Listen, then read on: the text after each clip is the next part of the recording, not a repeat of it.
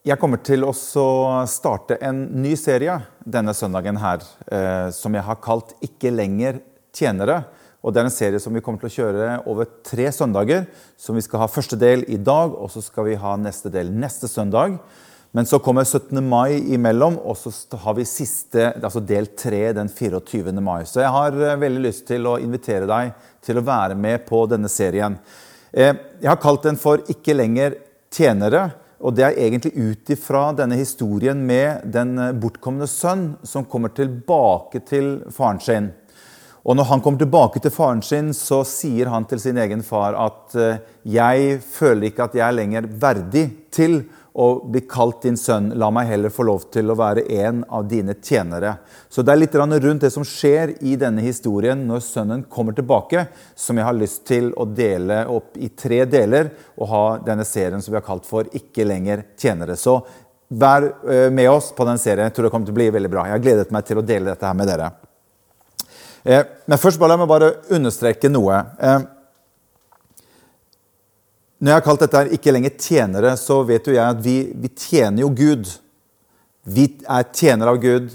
Eh, mange av de som skriver Guds ord, mange av de som eh, skriver evangeliene og brevene, i, i særlig Det nye testamentet, mange av de starter jo ofte med at tjener av Gud som skriver noe. Så vi, vi, vi går ikke bort ifra at vi ikke lenger er tjenere av Gud. Men jeg har bare lyst til å gjøre en ting veldig, veldig klart.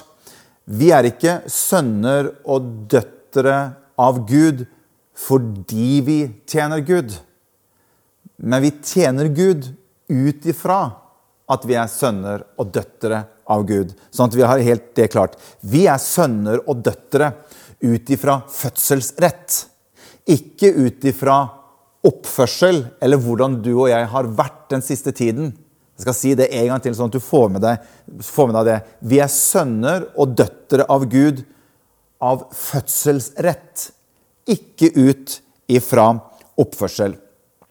Så jeg har delt denne serien her opp i tre, og det er egentlig ut ifra at når denne sønnen kommer tilbake til sin far, så får denne sønnen tre gaver av sin far. Så når han kommer tilbake, så får han en kappe, han får en ring, og så får han sko på føttene. Og Vi skal dele den opp i tre, og så skal vi se ut ifra Skriften hva det er disse tre gavene betyr.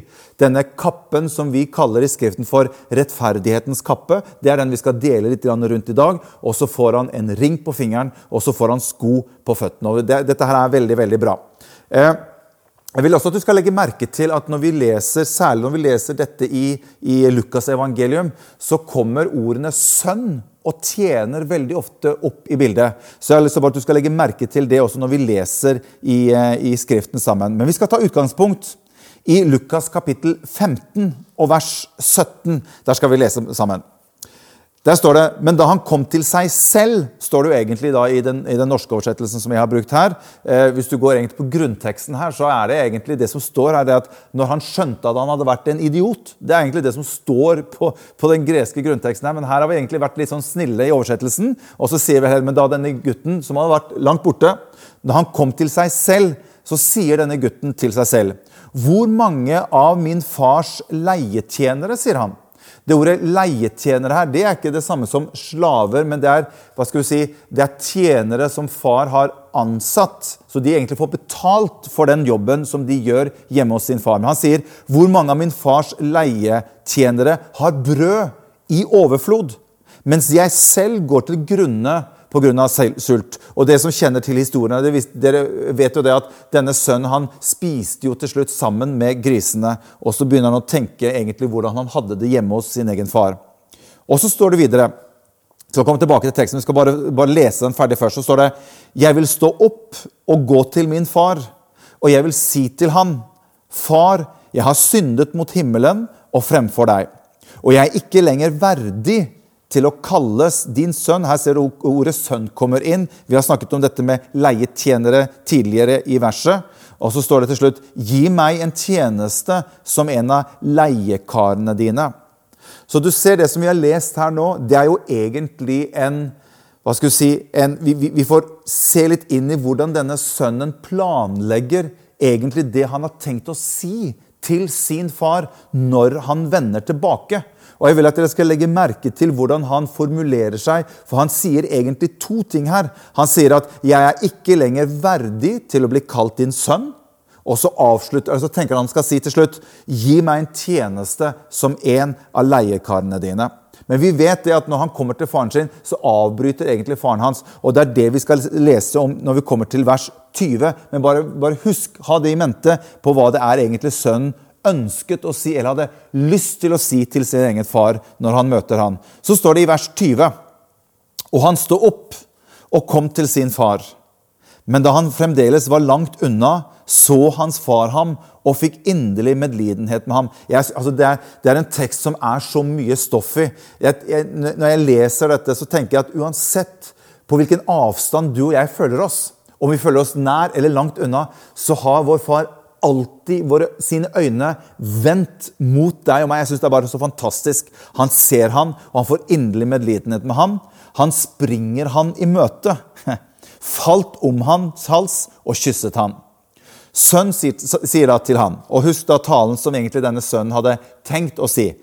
Far, jeg har syndet mot himmelen og fremfor deg. Og jeg er ikke lenger verdig til å kalles din sønn. Men her, her, kommer faren hans rett inn før denne sønnen har fått fullført egentlig det han hadde tenkt å si. Og faren henvender seg ikke til sønnen sin, men faren han sier til sine tjenere, og så sier han, hent fram den beste festdrakten, og ha den på han, og sett en ring på hånden hans, og sandaler på føttene hans. Kom så hit med gjøkalven og slakten, og la oss ete og være glade. For denne sønnen min var død og er blitt levende. Han var fortapt og er blitt funnet, og de begynte å være glade. Så her ser du at denne sønnen han fikk ikke lov til å fullføre engang det han hadde tenkt til å si. Men når han møter sin far, så det virker som at faren hans han bryter nesten bare rett inn i situasjonen til sønnen sin. Og så gir faren hans beskjed om at sønnen skal få tre gaver. Og litt sånn ut ifra si, bibelsk og også kulturelt eh, situasjon, så er det sånn at disse gavene som denne faren gir til sønnen sin, det er ikke noe man gir til hvem som helst. En far eller en eier hadde aldri gitt dette til tjenere, men dette er gaver som en far gir til sine arvinger eller til sine sønner. slik at vi vet, Og det er disse gavene vi skal gå inn og se litt eh, på. Jeg vil også at du skal se litt at Jesus uttaler også rundt dette som har med sønn og tjener å gjøre, flere ganger i Skriften. Blant annet så ser vi i Johannes kapittel 8 vers 35. Der sier Jesus at slaven blir ikke i huset til evig tid. Sønnen blir der til evig tid. Hvis vi går til Galaterbrevet kapittel 4 og vers 7, der leser vi derfor er du ikke lenger slave, men sønn. Forskjellen på disse to tingene er at når du leser Johannes her, så er dette slave. Det handler om å være slave til synd. Det du leser i Galaterbrevet her, handler egentlig om å være slave til loven. Det er litt sånn, Hvis dere ønsker å kikke litt nærmere, dere som er litt sånn mer inne i Skriften og ønsker å grave enda litt dypere. Men så sier Jesus også noe i Johannes kapittel 15, hvor jeg egentlig har hentet tittelen min ut ifra. For der sier Jesus i vers 15, kapittel 15.: Jeg kaller dere ikke lenger tjenere for en tjener vet ikke hva hans herre gjør. Så hva betyr egentlig denne første gaven som sønn får av sin far? Denne kappen som han får lagt over sine skuldre? Jo, i Bibels sammenheng så kaller vi denne kappen for rettferdighetens kappe. Og Jeg har lyst til å ta utgangspunkt i det som står i Jesajas kapittel 61 og vers 10. For der står det en veldig fin forklaring hvordan denne kappen, eller hva denne kappen her er for noe.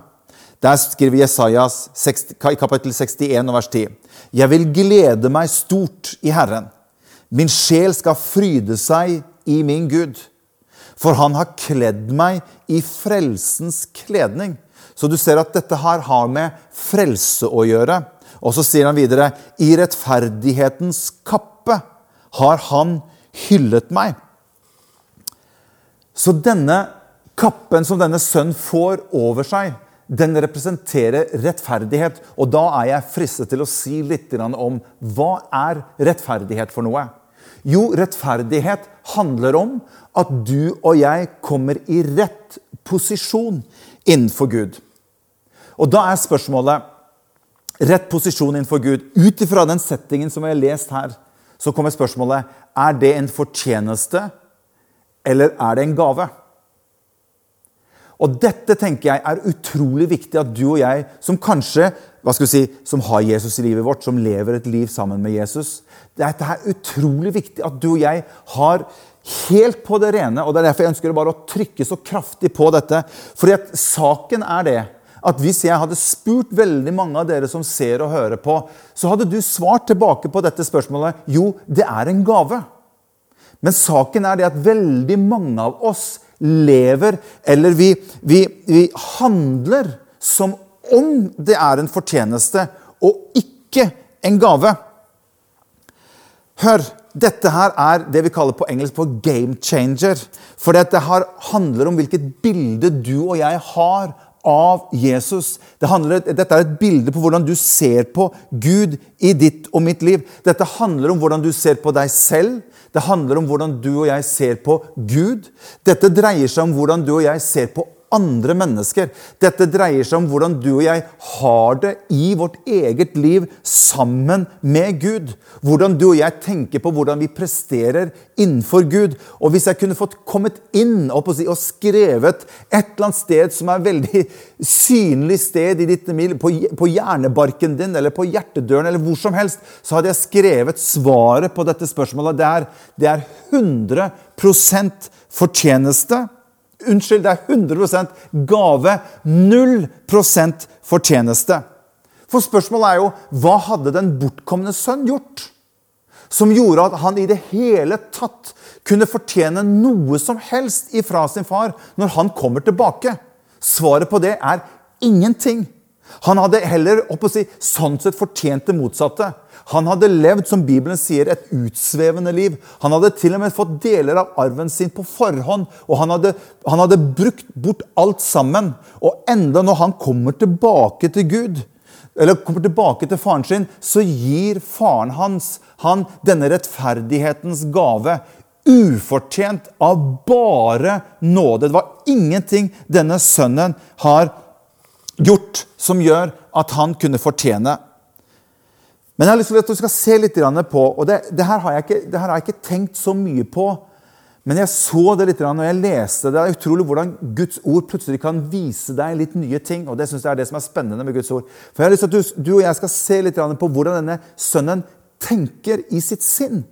Når han skal komme tilbake og han skal på en måte ha denne talen sin ovenfor pappaen sin. For hvis du går til vers 19, så står det og dette er det den sønnen tenker. Så sier han, eller han tenker, eller han sier også til pappaen sin Han sier, 'Jeg er ikke lenger verdig til å kalles din sønn'. Jeg er ikke lenger verdig til å kalles din sønn. Det kan virke som om at denne sønnen har tenkt at jeg tidligere var verdig. At jeg har vært verdigere før, men nå er jeg ikke lenger verdig til å bli kalt sønn. Og jeg tror mange av oss som kristne også tenker litt på denne måten her. Det er at forrige uke, da var jeg en mye bedre kristen. Da ba jeg mer, jeg leste mer, jeg var mye mer innviet. Og da var jeg mer verdig til å bli kalt Guds sønn eller Guds datter enn det jeg er denne uken. For denne uken har jeg gjort ting, eller jeg har tenkt ting, eller jeg har ikke følt meg verdig, og så blir vi på en måte, vi blir slengt litt fram og tilbake i forhold til hvordan du og jeg føler oss. For ellers så hadde den sønnen bare sagt at 'jeg er ikke verdig til å bli kalt din sønn'. Men han tenker at tidligere så var jeg verdig, nå er jeg ikke verdig. Hør, og følg med nå. Følg med bare, Jeg kunne godt tenkt meg bare gått rett opp i kameraet og sagt dette. Nå har jeg en god nyhet som egentlig, som egentlig, er en dårlig nyhet, men som samtidig er en god nyhet til deg. Du har aldri vært verdig. Jeg har aldri vært verdig. Du har aldri vært god nok. Jeg har aldri vært god nok. Og hvis du og jeg lever i vårt forhold til vår far, I vårt kristenliv på denne måten så kommer du og jeg inn i det som jeg kaller for fortjenestekristendom. Det er at jeg føler at jeg hele tiden er nødt til å gjøre meg fortjent til Guds favør, til Guds gunst. At jeg i dag er verdig, i går var jeg ikke det. Det er ikke sånn det fungerer. Så ok. Så det er, Dette er en gave og ikke en fortjeneste. Men jeg har lyst til å bare definere litt mer rundt denne gaven. Vi skal gå videre i skriften her. Og jeg har lyst til å se at Vi skal lese noe i hva som står i Romerbrevet kapittel 4. For jeg tenker at den, hvis, hvis, hvis, vi bare definerer det som en gave, så kan egentlig en gave være noe vi på en måte kan liksom legge litt bort. Men Skriften beskriver egentlig litt hva som skjer med denne rettferdigheten når du og jeg tar imot den i livet vårt. Og Paulus han skriver veldig bra i kapittel 4 i Romerbrevet og fra vers 3. Da sier han, for hva sier Skriften? Abraham trodde Gud, og det ble regnet ham til rettferdighet. Og det ordet 'regnet' her, det er egentlig et matematisk uttrykk hvis du går på grunnteksten. Det handler, om, det handler egentlig om at her skjer det en slags form for transaksjon. Det handler om at jeg har minus på kontoen min. At jeg er på minussiden. Men jeg har ikke noe penger selv til å få minus i pluss. Så det er ingenting jeg selv kan gjøre for å rette opp å si, balansen i kontoen min. Men det er det rettferdigheten gjør.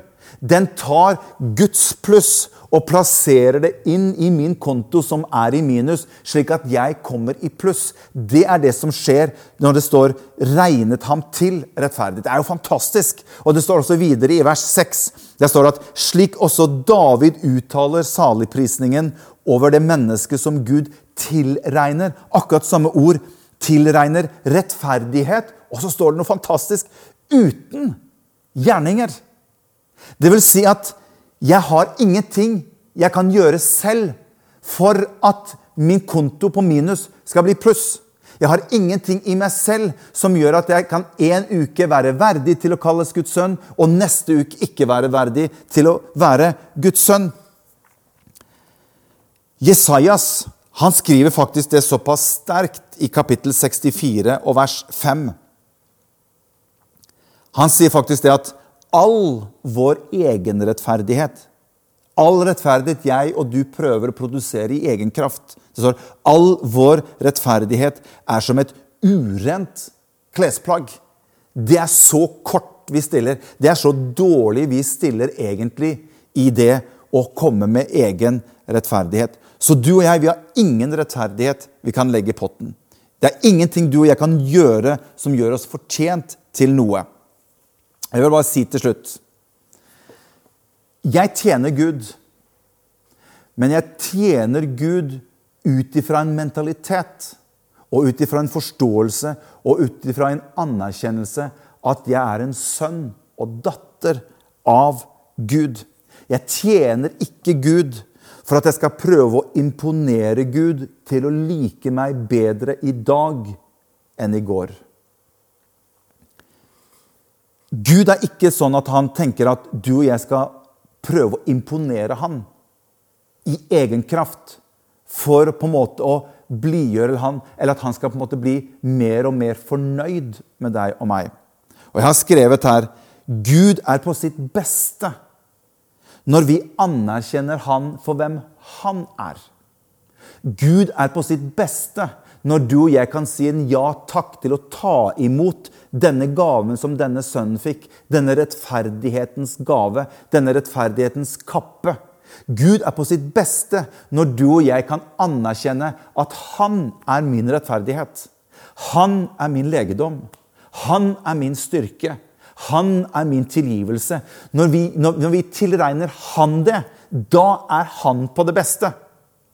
Gud blir mye mye svakere i livet vårt når vi prøver å gjøre oss, og vi setter oss i sentrum. Da mister hans rettferdighet muligheten til å gjøre og skape en forandring i ditt og mitt liv. Vi får denne gaven fra Gud helt gratis, ufortjent av bare nåde. Og jeg har lyst til å si til alle dere som sitter og hører på eller ser på Hvis du ikke har tatt imot denne gaven ifra Gud, så har du en anledning til å gjøre det. Og det første du må gjøre, det er at du er nødt til å akseptere at det er ingenting du og jeg kan gjøre i egen kraft for å akseptere. Og det er så vanlig når jeg snakker med mennesker som enda ikke har tatt imot Jesus. Så er det den der mentaliteten at ja, men hvis jeg er snill og god, så må vel Gud være fornøyd med meg. Men Gud er aldri fornøyd med deg og meg fordi du og jeg er snill og god. Han er fornøyd med deg og meg fordi du og jeg er en datter. Vi har en verdi i at han elsket oss så høyt før vi kjente han, at han ga sin egen sønn, slik at hver den som tror på han, ikke skal gå fortapt, men kunne få evig liv. Hvordan får jeg det?